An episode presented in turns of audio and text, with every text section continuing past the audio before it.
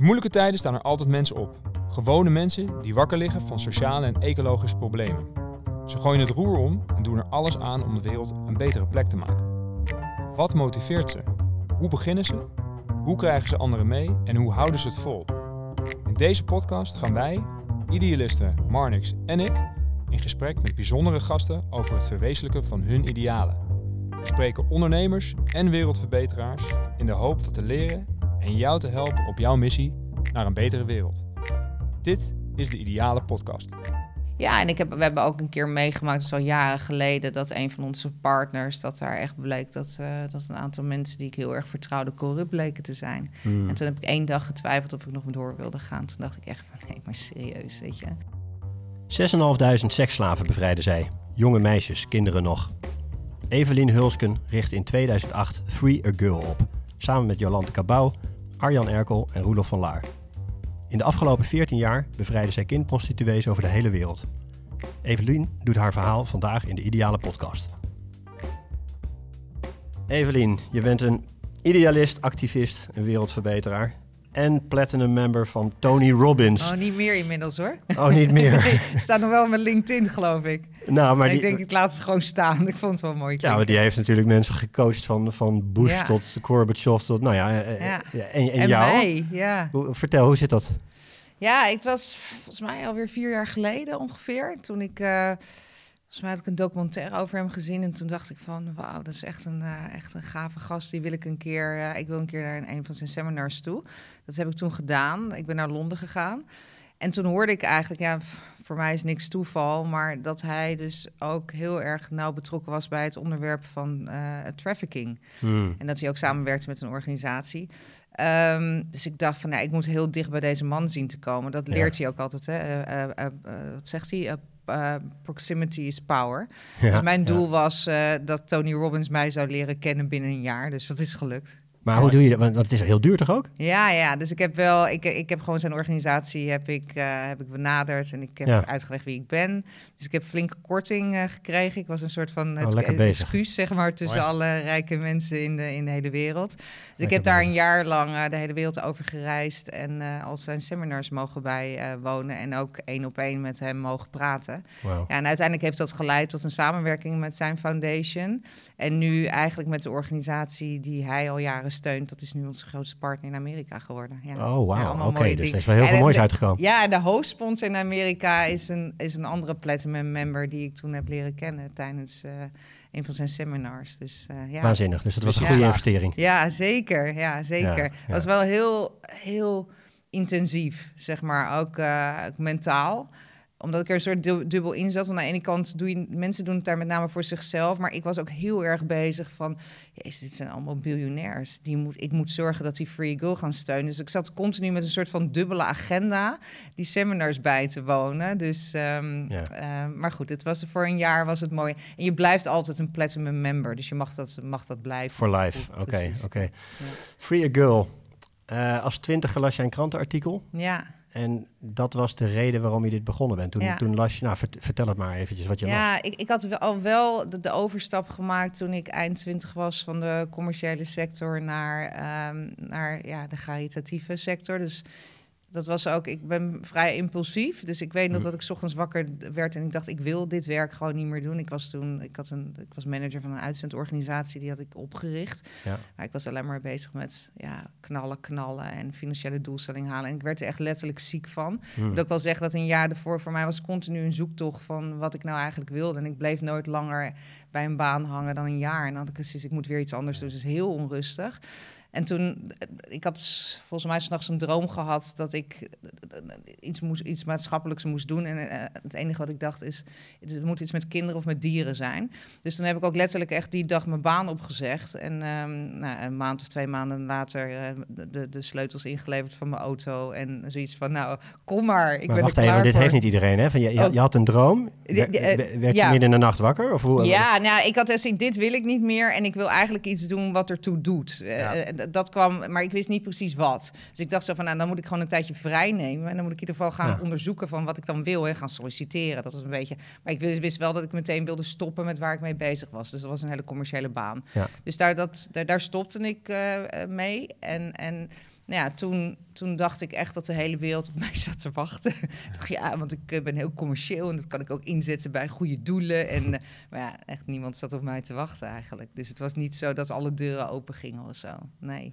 nee. Maar, maar eigenlijk, ik, ik, want ik las dat je nog verder daarvoor, toen je, toen je jong was, dat je ook al brieven naar Amnesty ja, schreef. dat wel, ja. Dus het, dat, dat, het zat er wel in. Ja, dat verlangen om uh, een verschil te maken, dat zat er wel al bij je in, hè? Ja, maar ik wilde ook vooral heel rijk worden. Dus dat was het volgende doel. Dus dat was, ik was altijd bezig met, uh, oké, met ook wat handeltjes op school. En, uh, en eigenlijk lukte ook nooit echt alles, hoor. Maar het zat er wel in een soort van, ik wilde ook wel commercieel zijn. Maar ook, ja.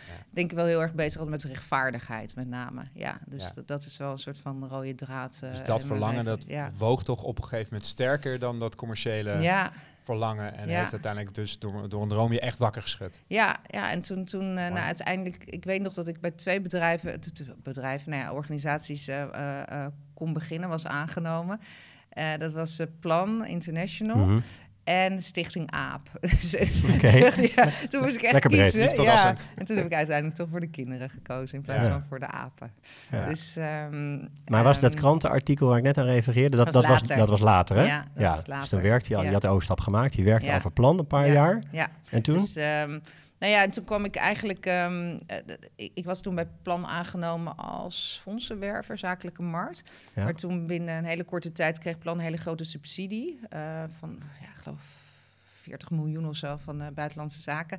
Maar er was nog geen afdeling daarvoor opgericht. Er werkten pas twee mensen. En mijn toenmalige baas, ja, daar kon ik het heel goed mee vinden. Ehm, die zei van, wil jij niet iets anders doen? En toen zei ik, ja, graag. Maar wil je niet liever projecten gaan doen? Want ik zie wel iets in jou. Toen zei ik, ja, graag. Maar daar heb ik helemaal geen verstand van.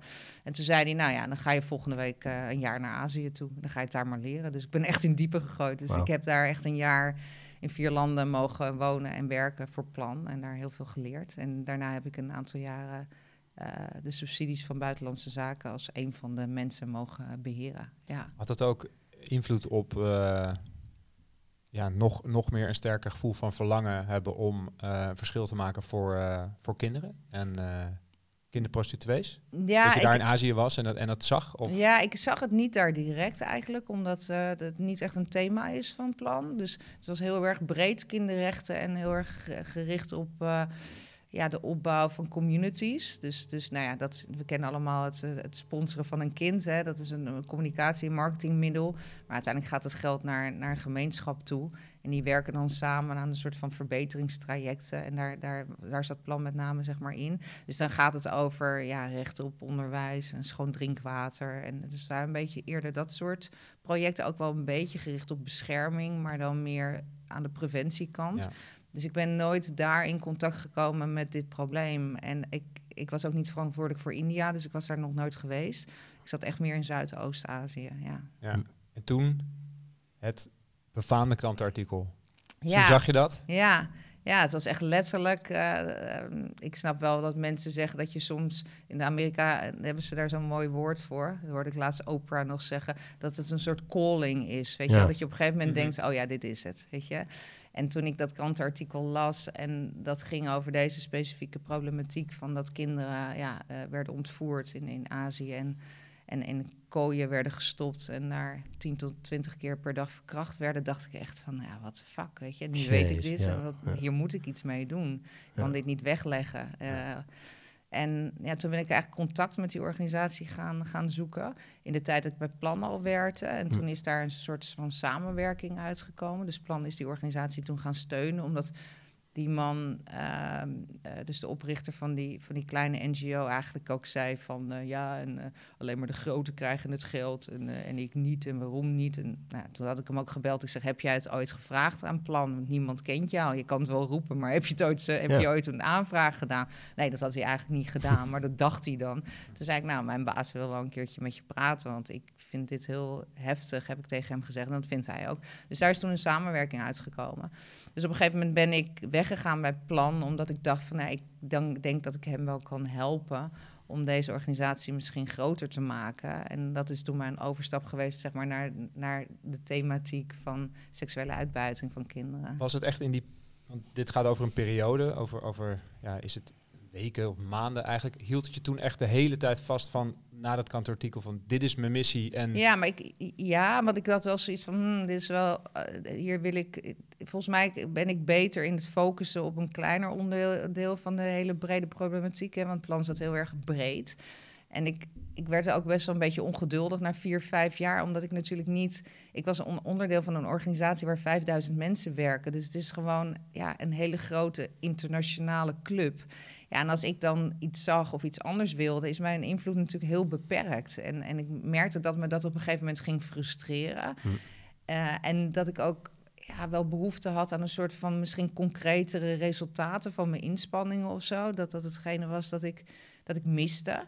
Ehm, dus ik dacht van ja, volgens mij kan ik hier meer iets van mezelf in kwijt. Want het werk wat ik bij Plan doe, dat kan door heel veel mensen, denk ik, worden gedaan. Dus, dus dus dat was eigenlijk de reden dat ik op een gegeven moment dacht van ja, het is nu mooi. Maar ja, daar had ik inmiddels ook vijf jaar gezeten en heel veel, heel veel geleerd. Dus heel dankbaar ook voor die tijd. Ja. Hey, en hoe begin je dan? Hè? Want, want kijk, we weten, je, je bent de, de stichting ben je niet, hij heet, heette eerst anders. Hè? En Ja. het is nu Free a Girl. Ja, na een paar jaar is, de, is die rebranding eh, heeft die plaatsgevonden. ja, En je bent samen met Jolante Cabau het gestart. Arjan Ja. Erkel, Ja. Roelof van Laar. Die, Ja. die, die zaten al in je netwerk, die, die kende ja, je het al. was eigenlijk zo dat ik, ik, had, net, ik had die desbetreffende meneer zeg maar, van die stichting, eh het toen People's Trust benaderd. Daar heb, daar heb ik, in de, daar, die heb ik geholpen zeg maar, om te proberen om die organisatie groter en professioneler te maken. In die tijd leerde ik Jolante ook kennen. Ehm, Arjan zat daar toen in het bestuur. En nou ja, Roelof had een keer een brief gestuurd. Omdat hij zei: Heb je geen mensen nodig die wat meer beleid gaan schrijven voor de club? Dus eigenlijk waren we allemaal betrokken bij die kleinere NGO. Maar dat is toen niet goed gegaan daar. En, en, en achteraf denken we dat de man die dat heeft opgericht, waar ik ook veel respect voor heb, heb ik inmiddels geen contact meer mee. Ik denk dat hij beter een vrijwilligersorganisatie had kunnen blijven. Want soms is de stap voor sommige mensen om vanuit een zolderkamer opeens een club te worden die enorm veel aandacht krijgt. Jolante werd heel erg bekend op dat moment. Dus we waren in elke Ja. tv-show. En het was eigenlijk iets waar die organisatie helemaal niet klaar voor was. Niet qua bestuur, niet qua organisatie. Dus daar gingen allerlei dingen niet goed. Dus wij hebben op een gegeven moment besloten om daar weg te gaan. Omdat we merkten dat we, ja, dat we daar ook geen invloed meer op konden uitoefenen. En je merkte ook dat de persoon die het had opgericht, die had zijn eigen bestuursleden uitgekozen, wat vrienden zijn. Ja, dan heb je op een gegeven moment ook geen orgaan meer wat kritisch kan kijken naar Ja. de dingen waar je mee bezig bent. Dus wij dachten van, ja, hier willen we onze naam stuk voor stuk niet meer aan verbinden. Want het gaat niet een kant op waar wij achter staan. Maar toen wisten we wel, als wij hiermee stoppen, dan betekent dat een organisatie die wij steunden toen, dat die gaat omvallen. Dus, ehm, nou ja, en toen hebben we wel gekeken van, we hebben nog een project en programma, of we dat ergens anders bij andere goede doelen konden onderbrengen. Nou, dat lukte niet. Iedereen wilde wel Jolante hebben als ambassadeur. ja, precies. Dus die, want die was inmiddels eh, bekend geworden. Nou, en toen dachten we ook van... niemand van ons zat er eigenlijk, om eerlijk te zijn, op te wachten... om een eigen stichting te starten. Want we hadden al zoiets van, ja, er zijn er al zoveel. Maar niemand wilde ons project, er waren er eigenlijk twee in die tijd, overnemen. Dus toen dachten we van, nou ja, dan gaan we zelf maar... starten we zelf maar een stichting. Ja, dus zo Dus zo ging is dat. het Dus het was eigenlijk niet echt een vliegende start, maar je moest echt Ja, zoeken naar dat Ja. begin. Hoe Ja. je dat ja, Ja, en dat is wel interessant inderdaad. Hè? Ja. Want dat, dat, dat weet je natuurlijk niet als je van buitenaf ernaar kijkt. Dan, hè, mensen kijken met enorm bewondering natuurlijk naar jou en jullie, wat jullie ja, eh, doen. Ja, je denkt bijna, eh, als je het zo leest en, en, je, en je ken je niet, dat het allemaal heel erg juist strategisch de, de, de poppetjes op de Ja, juist plek zijn geplaatst. En eh, nee, vergeet gaat het nee. de missie. Nee. Nee, Nee. totaal niet. Ja. Dus het was eigenlijk zo. En ik, ik moet eerlijk zijn, ik kreeg al hoofdpijn bij het idee om een eigen stichting te starten. Weet je, dat was echt nooit niet nog een stichting. Dat zat ook maar wel. Ja. We wilden wel doorgaan met waar we mee bezig waren. Dus, dus als het daar niet mis was gegaan, dan waren we daar gewoon gebleven. Dus zo was het, zo was het een beetje. Maar ik, ik had er wel vertrouwen in persoonlijk, omdat Arjan en Jolanta aan boord waren. Toen dacht ik, nou, dan heb ik in ieder geval een voorsprong, want het zijn bekende mensen. Dus ik hoef in ieder geval nooit geld te gaan betalen voor marketing. Want weet je, de- Ja, ja, ja. door hun in te zetten, kan je, kunnen we in ieder geval aan het begin al heel veel. eh, Ja, want even Ja. Arjan Erkel, hè, we- eh, wij hadden het er nog over, Raoul en ik. Wij weten het allebei nog. Hij werd ontvoerd, lang geleden. Toen werkte hij bij Artsen zonder Grenzen, toch? klopt. Ja, toen werd hij ontvoerd in Dagestan. Ja. En dat was nogal een eh, eh, heftige situatie natuurlijk. Eh, heel Nederland was ermee bezig toen om hem vrij te krijgen. Ja. ja, En zo heeft hij die bekendheid eh, gekregen Ja. eigenlijk. En hij is ook degene geweest die vanuit zijn netwerk zeg maar een founding partner heeft gevonden voor Free Girl. We heette toen Stop Ja. Kindermisbruik.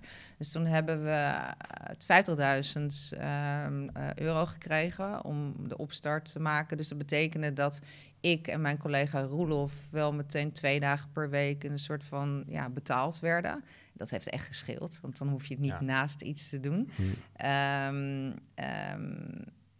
Ja, nee, kantoor en zo. We hebben heel veel dingen gratis gehad. Alleen wij werden betaald, allebei twee dagen. En we hadden zoiets van, ja, we willen wel op korte termijn ook resultaten laten zien. Dus we willen gewoon echt die bevrijdingspartner al gaan steunen. Dus dat is eigenlijk iets wat we meteen aan het begin hebben gedaan.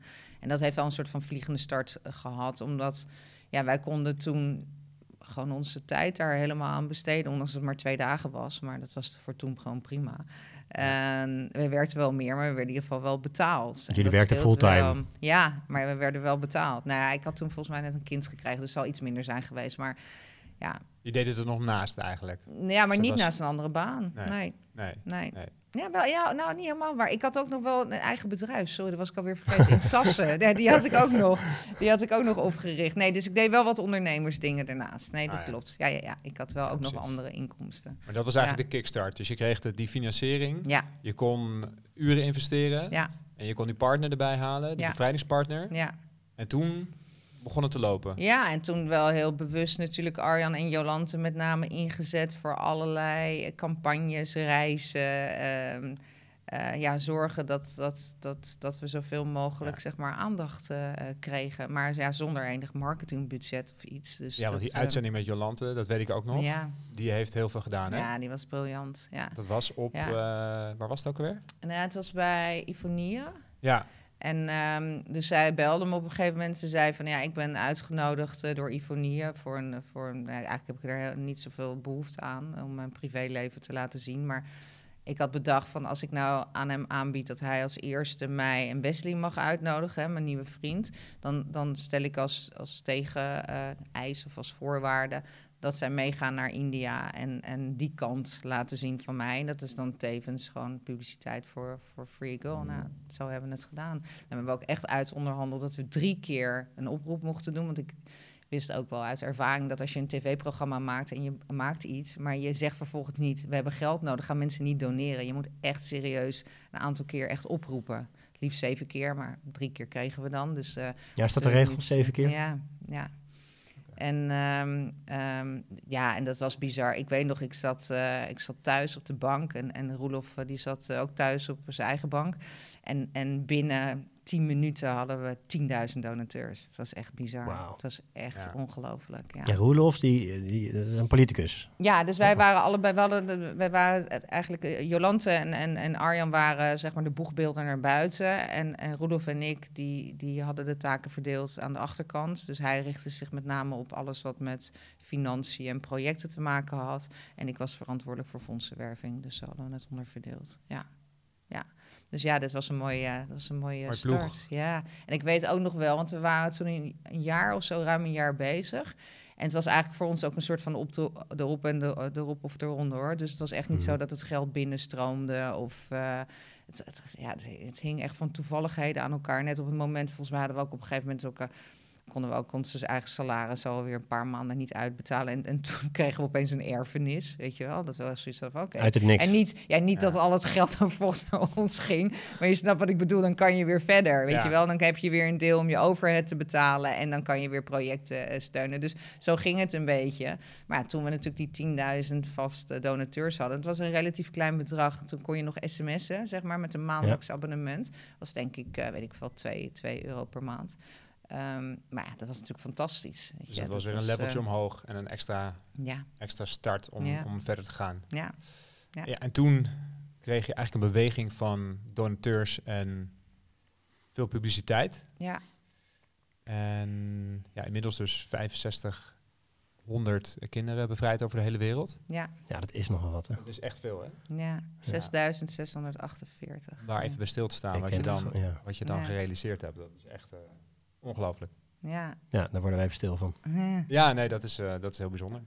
Want ja, dat gaat natuurlijk ook. ehm, ja, het heeft natuurlijk ook soms tegenslagen. Ik kan me ook voorstellen dat je wel eens donkere dagen hebt en dat je veel uitdagingen hebt. De- Het Ja. werk is, ehm, soms ook gevaarlijk. Ja. Hoe ga je daarmee om? Ehm, even kijken, en bedoel je dan de uitdagingen, zeg maar, eh, op projectgebied inhoudelijk, hè? of de uitdagingen Nou, jij qua als, jij als, ja, of jij als persoon eh, het, het leiden van, een, van zo'n stichting en toch ook de thematiek die je, die je, die je hebt. Ehm, ja, wat, wat zijn eigenlijk grote uitdagingen voor jou? En, en als je die tegenkomt, wat, hoe ga je daarmee om? Nou ja, uitdagingen is altijd geld. Ja. Dus eh, daar loopt iedereen, iedereen. tegenaan. Maar goed, dat heb je ook in het bedrijfsleven. Hè. Ik bedoel, daar begin je aan het begin van het jaar vaak ook weer een soort van opnieuw. Ja. En, en wat echt lastig is, eh, zeker voor kleinere tot middelgrote organisaties, wat wij ook nog steeds zijn, is toch om die vaste inkomstenstroom te krijgen. Als je kijkt naar de grotere, wat grotere organisaties, zie je dat die vaak al die donateurs in andere tijden hebben verkregen. En die lopen wel heel erg aan tegen een vergrijzing zometeen natuurlijk. Oh ja. En het is een, het is een hele andere nieuwe manier van geven van, van jongeren. Ehm, wat denk ik ehm, mijn kracht wel is, is dat ik ehm, vrij flexibel ben qua persoon. Dus ik kan heel makkelijk schakelen. Ook als dingen niet goed gaan, dan ga ik meteen denken in een soort van oplossing. Dus dat, dat heeft mij altijd geholpen en dat helpt nog steeds. Ehm, bijvoorbeeld in, in, in de coronatijd was voor iedereen natuurlijk eh, verschrikkelijk. En wij raakten toen eh, de helft van onze inkomsten kwijt ongeveer, omdat we afhankelijk waren van events. Dus dan heb ik gezegd, nou dat gaan we nooit meer doen daarna. We moeten niet meer afhankelijk zijn. Dus we moeten ervoor gaan zorgen dat we vaste maandelijkse inkomsten gaan krijgen. Ik vertelde natuurlijk over die 10.000 donateurs die we ooit hadden.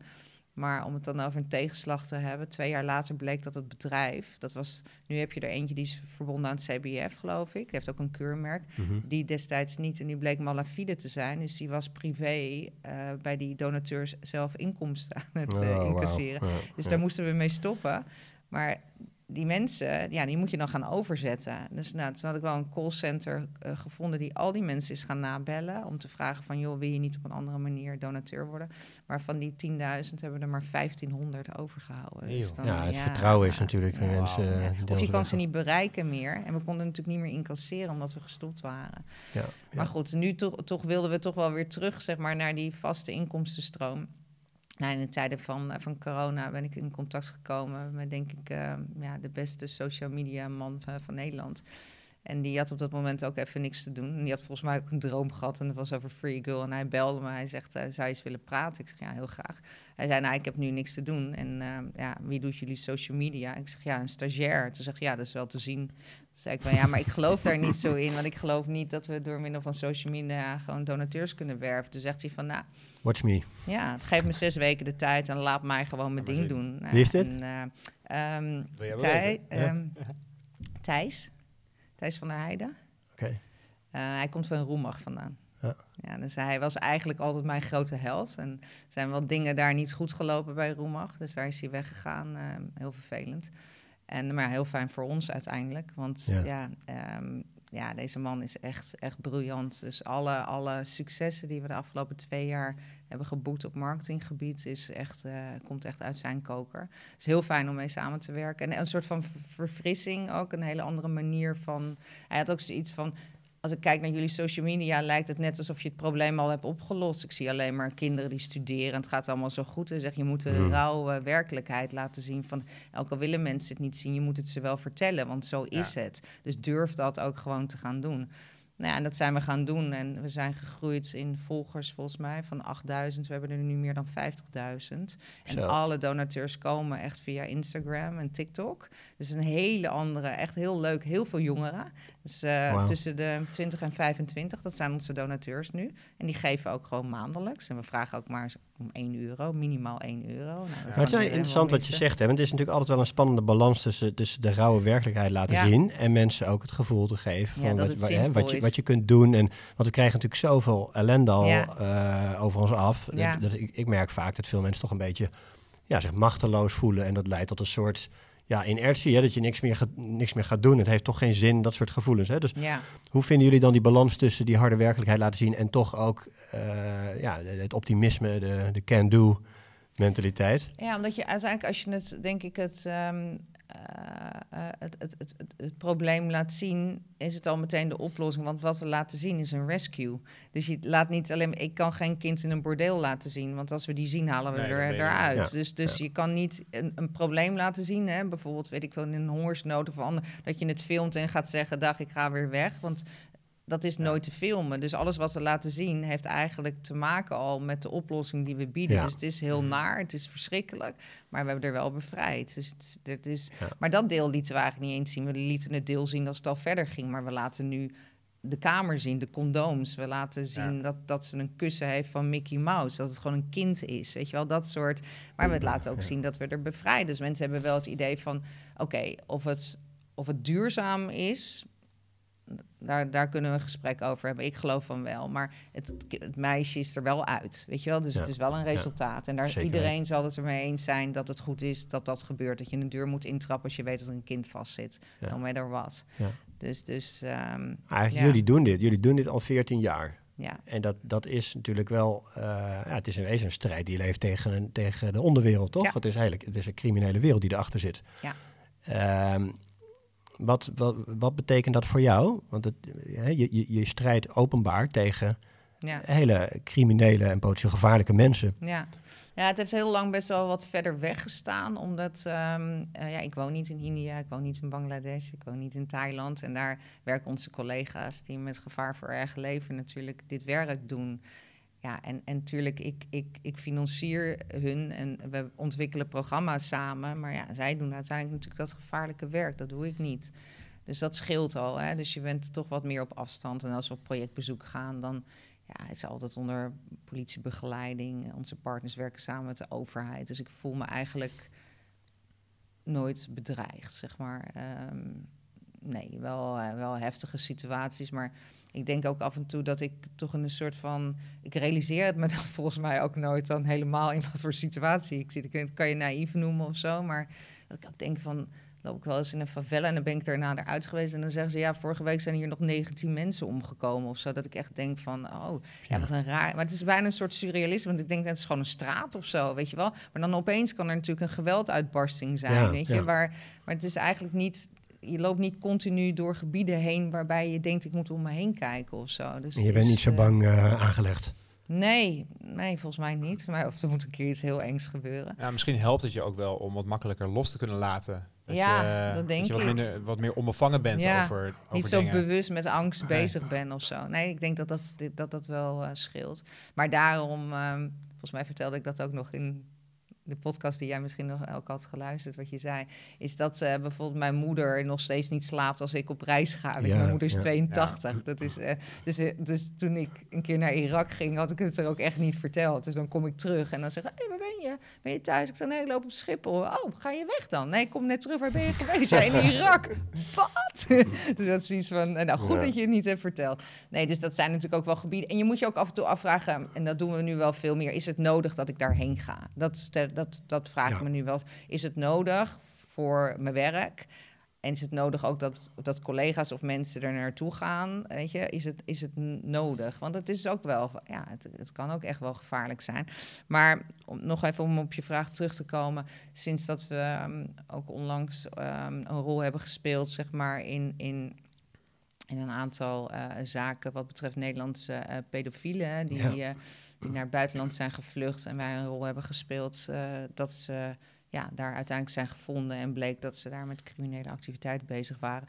Ja, dat komt wel een stuk, zeg maar, Ja. dichterbij. En dan, ja, dan, dan, eh, dan heb je opeens te maken met, met het feit dat je het bestrijdt heel, heel dichtbij. Dus dan heb je hier met een overheid te maken, maar ook met mensen die niet blij zijn dat je dit werk aan het, eh, aan het doen bent. En ja, we hebben ook wel doodsbedreigingen online ontvangen. En ja, dat is wel heftig. Dat weet je, dat heb ik nog nooit Ja. eerder. Dat ik dacht van oké, dit is eigenlijk iets waar mijn collega's in het veld elke dag Ja. mee te maken hebben. Heb ik me nooit zo gereden. Ja, natuurlijk wel, want het is heel gevaarlijk. Maar dat je ook denkt van ja, is ook gevaarlijk echt voor, je, voor, je, voor jezelf, maar ook voor je gezin. Weet je, Ja, je staat in één keer heen. tegenover een partij die Ja. niet wil dat je... Ja, en, en, en mijn kinderen zijn inmiddels 13 en 16, dus die lezen ook Instagram en die zien dat ook van eh Free Girl met de dood bedreigd. En dan zeggen ze ook van, dan moet ik me zorgen maken of zo. Dus je hebt opeens hele andere gesprekken dan dat je ervoor was, ja, zoiets, ja, mama doet mooie dingen in een ver land, ergens in India. Ja, niemand Wat kent doet dat ons met je dan? daar. Ja.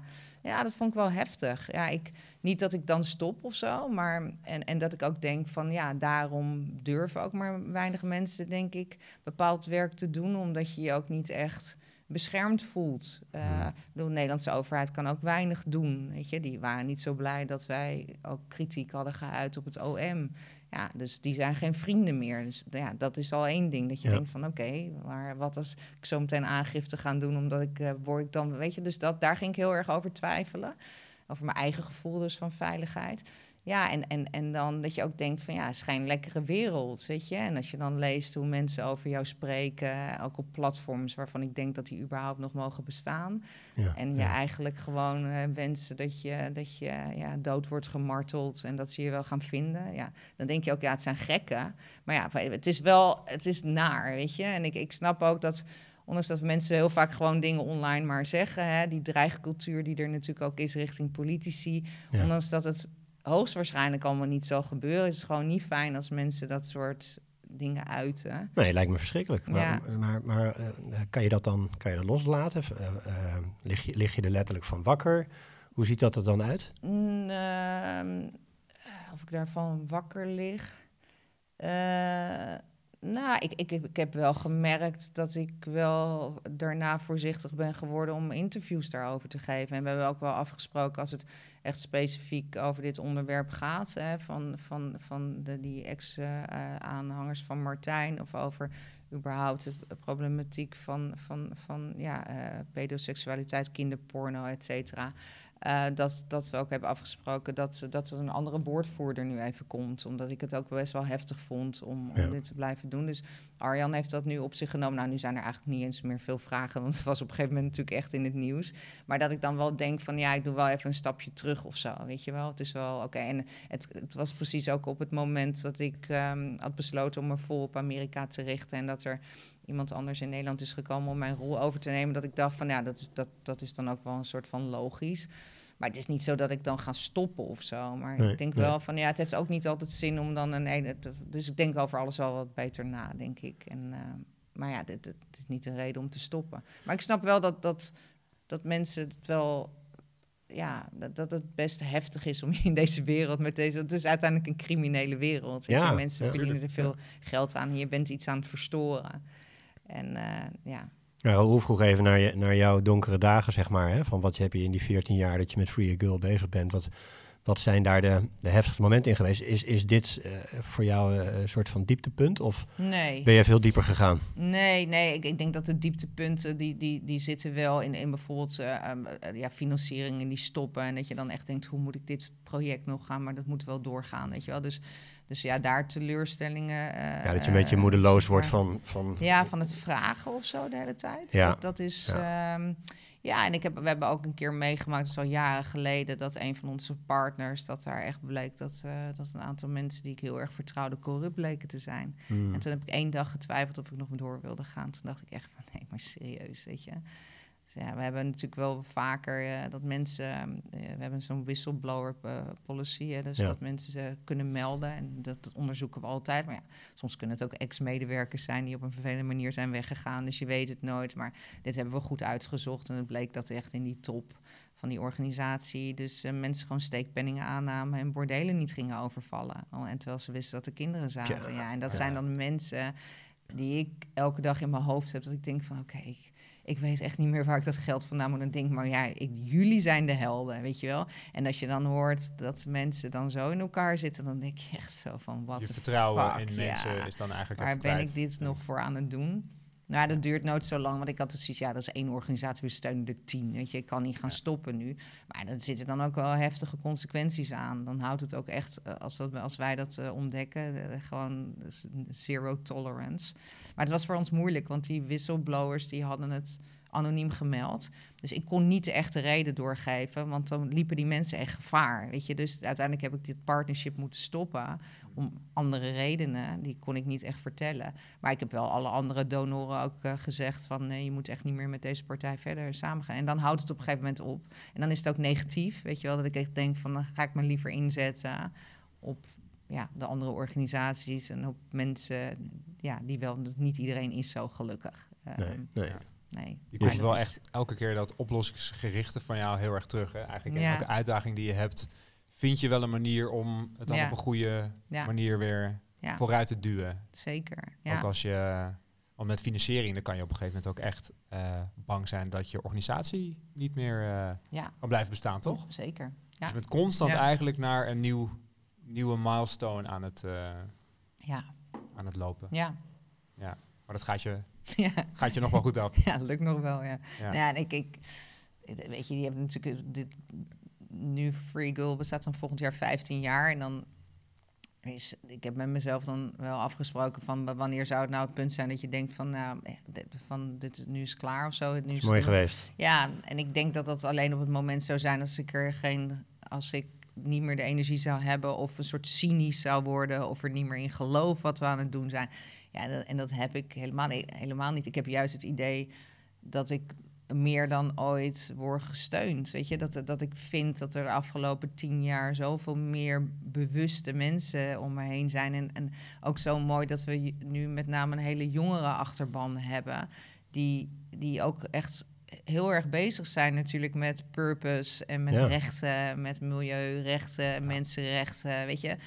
Dus ja, twintig jaar geleden toen ik startte in deze branche, was het toch een beetje zoiets van ja, leuk die idealisten, weet je, van eh, ehm, ja, en dan ook nog heel van vaak de vraag krijgen, oh leuk wat je doet, maar wat is nou je echte baan of Ja, zo, precies, weet je ja. wel? Ja. En zo, ja, maar dit is mijn baan, word je hiervoor betaald? En in Amerika zeggen ze, jij moet, wat jij moet gewoon heel veel betaald worden, bij wijze van. Ja, hè? ja, maar dat precies, zij hebben echt zoiets van, waarom zouden mensen die in bedrijven werken, die eigenlijk dingen kapot maken, stuk maken, en dat is een hele mooie speech van een man die uiteindelijk ook zegt van, ja, waarom zou iemand, een, een, een soort van producent van hele kwalijke computergames voor kinderen, weet ik wat, 40 miljoen mogen verdienen. Ja. En iemand die dag en nacht inzet voor iets goeds. Waarom zo mogen die mensen geen geld verdienen? Ja. Exact. En, ja. en, en dit is zoiets van, ja, weet je, als jij 100 miljoen ophaalt, waarom zou iemand dan geen miljoen gaan ver- mogen verdienen? Het is een hele interessante soort van discussie, hè? Ja, sterker nog, er is zelfs een correlatie eh, volgens mij. Het was niet Rut, Rutger Brechtman of zo eh, Ja. die, dat, die dat laatst had eh, laten zien. Dat eigenlijk hoe beroerder die baan is, hè, hoe, hoe, eh, meer schade je... eh, Ja, hoe- eh, hoe beter ja, het wordt hoe beter het wordt betaald. Hè? Ja. Omdat eigenlijk wil je daar natuurlijk niet meer werken, maar ja, dan moet het financieel zo trekken. Nou, dan, dan, dan knijpen sommige mensen maar even een oogje dicht en dan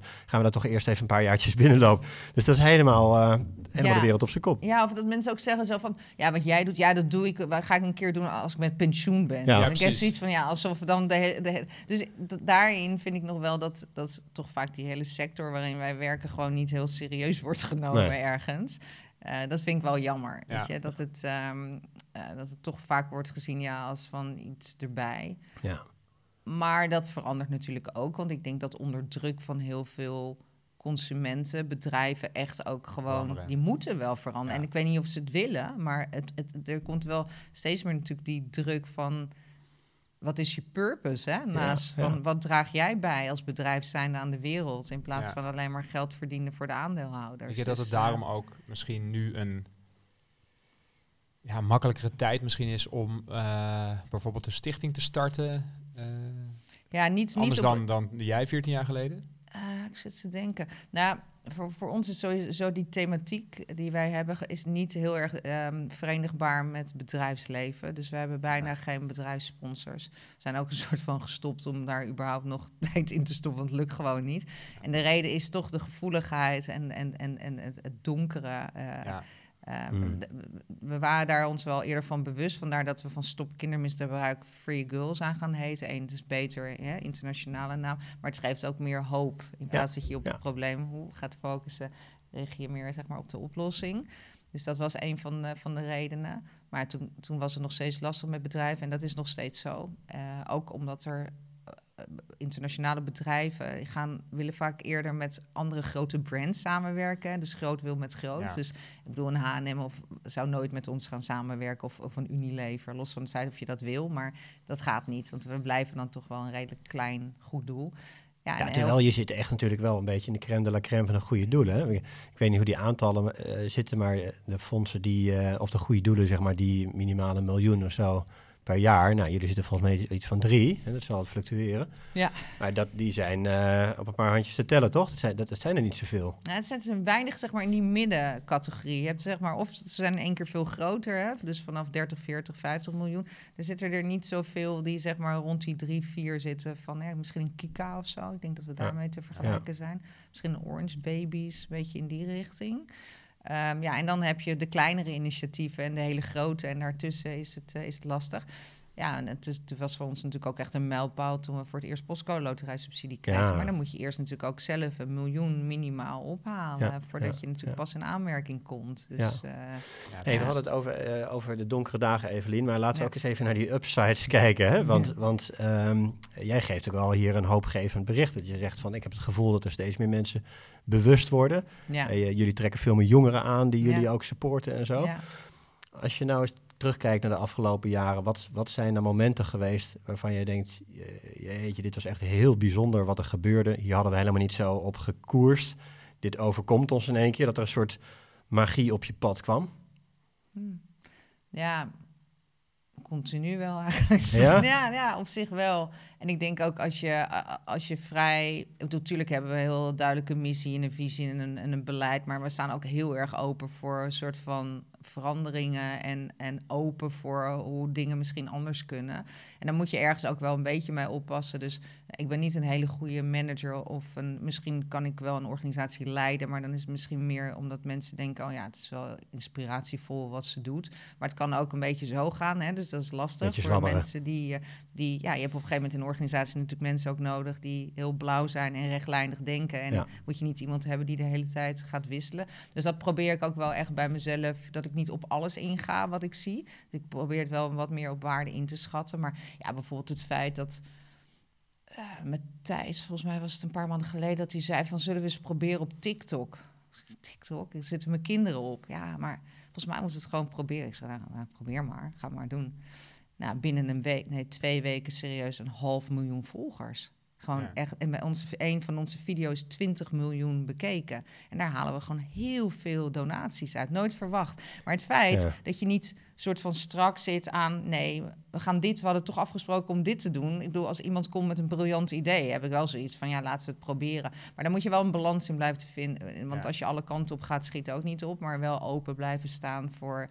Ja, Je blijft ondernemen. opportunities. dat is. Naar kansen zoeken en ja, eh, dat is denk proberen. ik. eh, en, en, en ik denk dat dat in mijn geval echt heeft gescheeld. Is, is dat ik natuurlijk wel. Ik, ben, ik heb wel een commerciële opleiding. Ik heb natuurlijk de eerste acht jaar in mijn leven commerciële banen gehad. Dus ik weet heel erg hoe het is om resultaatgericht te werken, met budgetten te werken. Ja. wat is je output? Wat is je impact? Weet je, dat zijn allemaal dingen waar natuurlijk onze sector ook mee te maken heeft. Dat, dus, dat, dus dat scheelt. Dus die taal, ik kan ook wel de taal van de ondernemers, zeg maar, spreken. Ja. Maar door mijn leerschool bij Plan vijf jaar, ja, weet ik ook wel inhoudelijk iets over projecten. Dus ik kan daar ook, ik weet ook wat een TOC is. Ik weet hoe je een, een programmavoorstel moet schrijven. Wat is een TOC?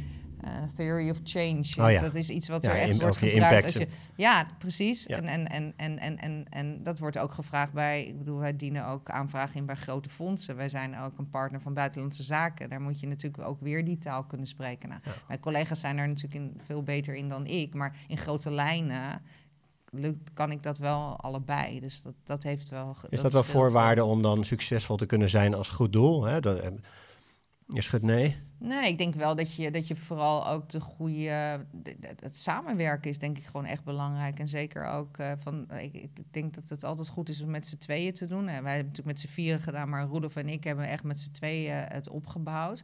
En dat scheelt wel eh, echt dat je, dat je wel iemand hebt om mee te Ja. praten en te kunnen reflecteren. En welke kant gaan we op? En dus, dus vooral ook niet proberen het allemaal alleen te doen. Het is ook minder eenzaam, hè? Dan is, als je het allemaal in je eentje moet doen, dan Zeker. Wordt het helemaal Ja. zwaar volgens mij met Ja. alle tegenslagen die Ja. op je pad komen. Ja, En als zeker. je dan ook nog heel complementair bent aan elkaar, Ja, dan... Want die, eh, ja, precies. En dat je allebei inderdaad andere vaardigheden hebt.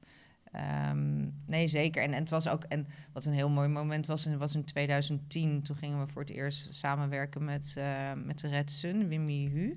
Zij heeft een um, heel goed lopend uh, restaurant in het Gooi. En zij organiseerde elk jaar een benefiet altijd voor een ander goed doel.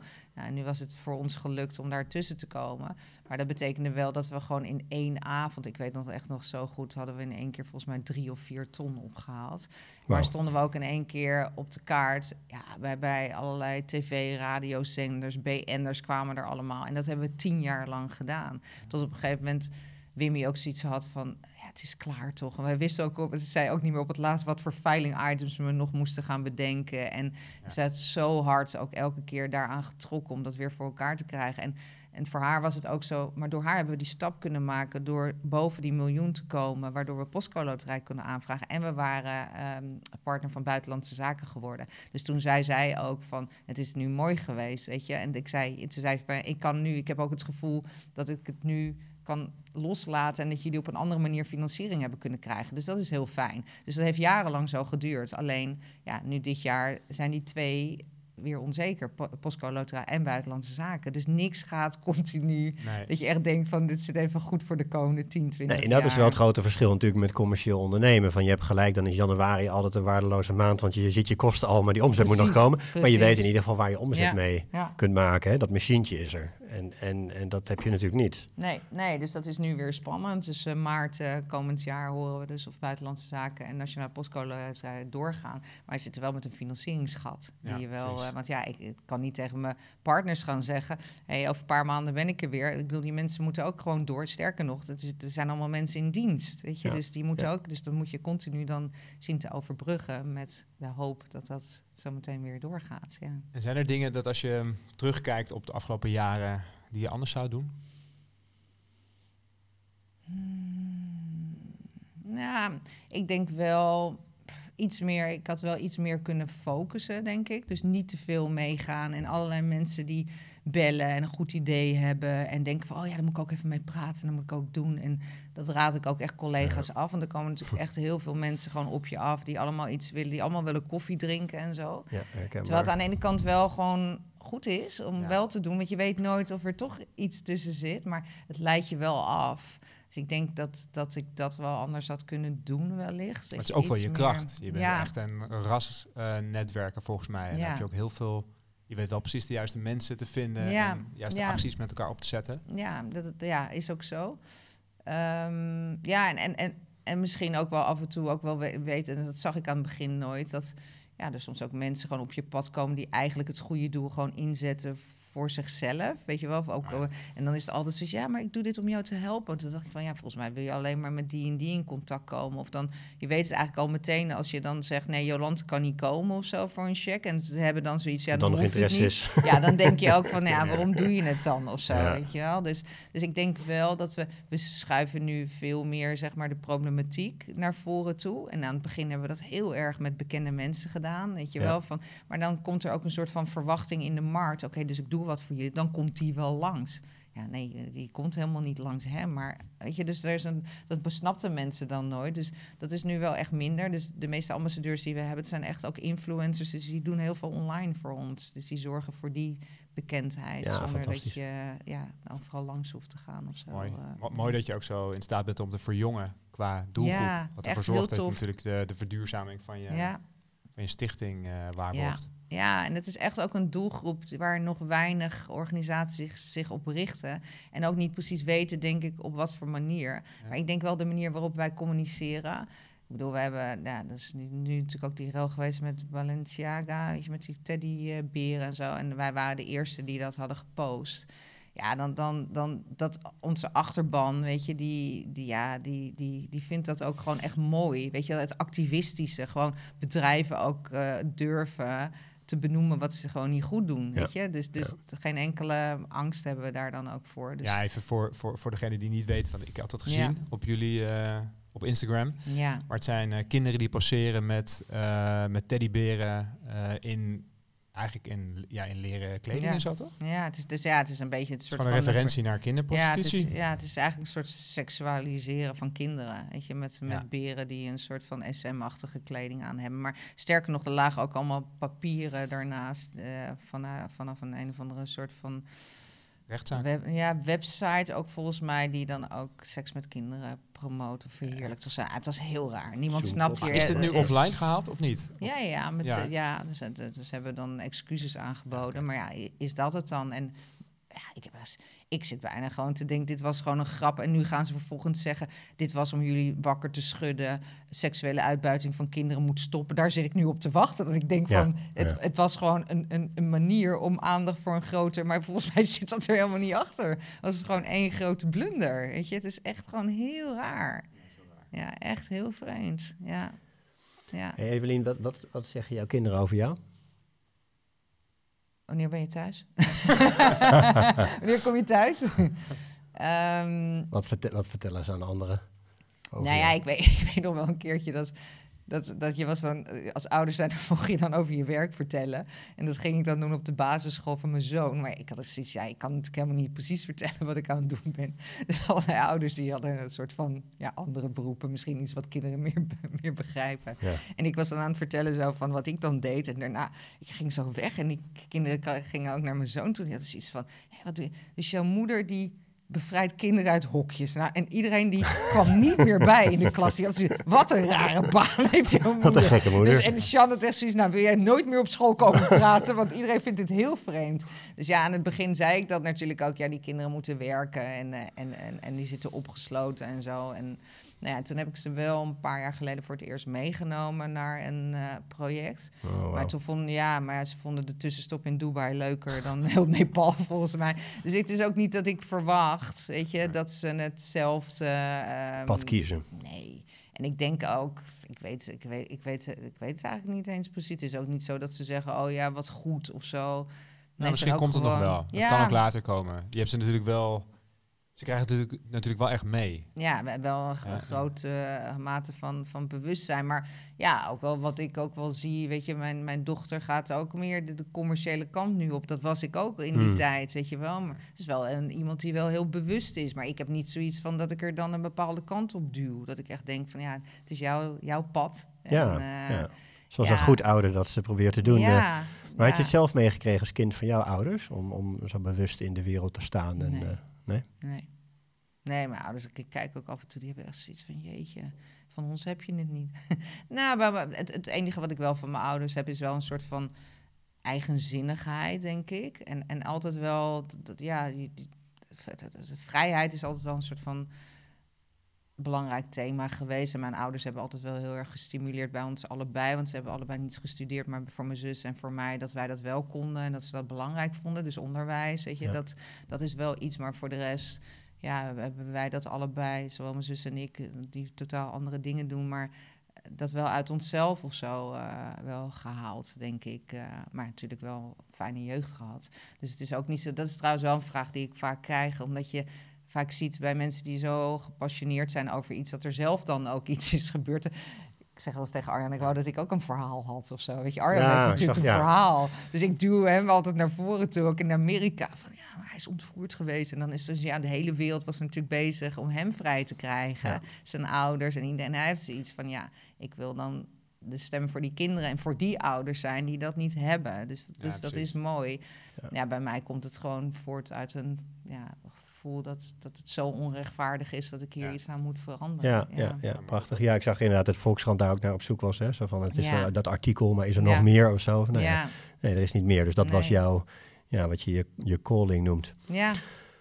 Hey, nou, als je nou ehm, eh, even denkt aan, aan die luisteraars die denken, eh, wauw, weet je wel, bij mij borrelt er ook iets. Ik, ik wil heel graag eh, ook voor mezelf zoiets moois beginnen, zo'n initiatief of ergens bij aansluiten.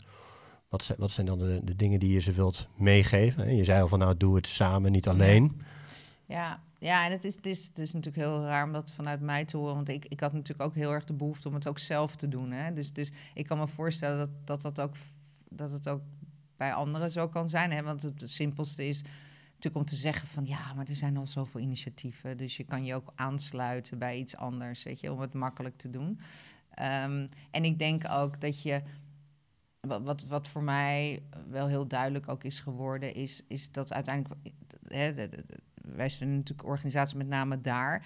Dat je er ook gewoon van uit mag gaan dat mensen daar gewoon heel veel dingen zelf kunnen en slim genoeg zijn. Dus ik denk ook, wij krijgen heel vaak ook het aanbod. Ik, nee, ik wil geen geld geven, ik wil iets doen. En zoiets, ja, wat wil je dan doen? Ja, ik wil daar naartoe, want dan wil ik Engels gaan geven. En zoiets van, denk je dat die kinderen daar gebaat zijn? Er zijn daar ook leraren die Engels kunnen geven, alleen die kunnen niet betaald worden. Dus ik denk wel dat het, dat, dat het soms ook goed is om te accepteren van misschien hoef je zelf niet wat te doen, maar zijn er anderen die al wat doen en die kan je ook helpen. Hè? Dus Ja. maar of je moet zo'n fucking goed idee zelf hebben waarvan je echt denkt van ja, eh, ja go for it. Weet je, het is. eh, ehm, en, ja, en probeer in ieder geval ook, denk ik, ehm, ja, gewoon de goede partij altijd om je heen te vinden met wie je het in ieder geval ook samen kan doen. Ik denk Ja. ook met heel veel bedrijven dat je ook echt wel kan, kan samenwerken. Want die zijn ook op zoek naar purpose.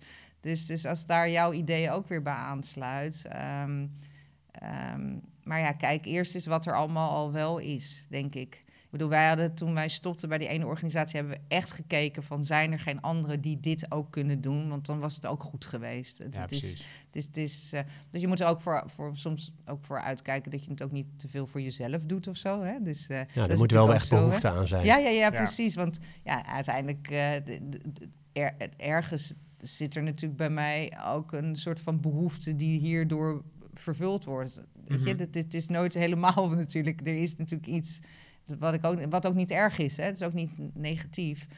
Maar denk niet altijd dat je andere mensen helpt door het fysiek zelf ook te doen. Want dat, Ja. je kan het ook op andere manieren doen. Je kan ook denken van, ja, ik kan, ik kan misschien eh, op een, een of andere manier geld inzamelen of mijn netwerk aanspreken. Of ik ken nog dat bedrijf of die, die stichting. Daar kan ik misschien die mee in contact brengen, waardoor je ook iets moois doet. Je hoeft niet allemaal zelf een stichting te starten, denk ik. Nee, Ja, nee. precies. De, de netto impact die je maakt, daar gaat het dan misschien gewoon om. En je hoeft niet zelf inderdaad op, de, op het podium te staan. en te nee, laten niet zien je- altijd. nee, er zijn genoeg mensen die. Ja, Ja. en of sluit je aan met iets wa- wat jij goed kan bij, bij iemand die al bezig is of zo. Weet je, ik denk Ja. dat, dat, dat die. Dus te weinig samenwerking vaak vind ik nog. En te veel ook het gevoel dat, het, dat we elkaars concurrenten of zo zijn. Daar moeten we ook een beetje van af, denk ik. Goeie tips. Hm, Ik hoop het. Ik weet zeker dat onze luisteraars daar echt ontzettend veel aan hebben. Nou, en geloof er gewoon in. Ja, ik en- twijfel nooit. Ik heb nooit. Ik heb altijd gedacht, dit gaat gewoon lukken. Gewoon, en, en als je dat.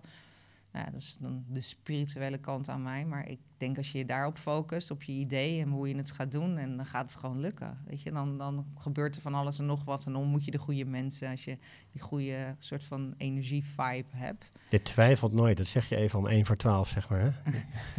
Want dat zullen toch heel veel mensen niet herkennen. Nee. Je twijfelt nooit. Het is, het, is, het is heel duidelijk wat je wilt. Ja. Ja. ja. Vastberaden. Ja, nou ja, en natuurlijk mijn grote doel is natuurlijk om het te eindigen. En dat blijft altijd mijn doel. Ehm, dat- Die moet je ook hebben, die is een soort van stip op de horizon. Maar je gaat niet zeggen, ja, ik doe dit omdat ik wil dat het vermindert of zo. Ik wil gewoon dat het stopt. En dat eh, iedere crimineel die hierachter zit, achter slot en eh, grendel komt. Ondanks dat ik daar niet eens zo heel veel. ehm, Het is natuurlijk ook om nog even terug te gaan naar die, naar die case dan met die Nederlanders die natuurlijk nu vastzitten en eh, die nog veroordeeld natuurlijk moeten worden. Zijn verdenkingen tegen eentje in Mexico en twee in Ecuador.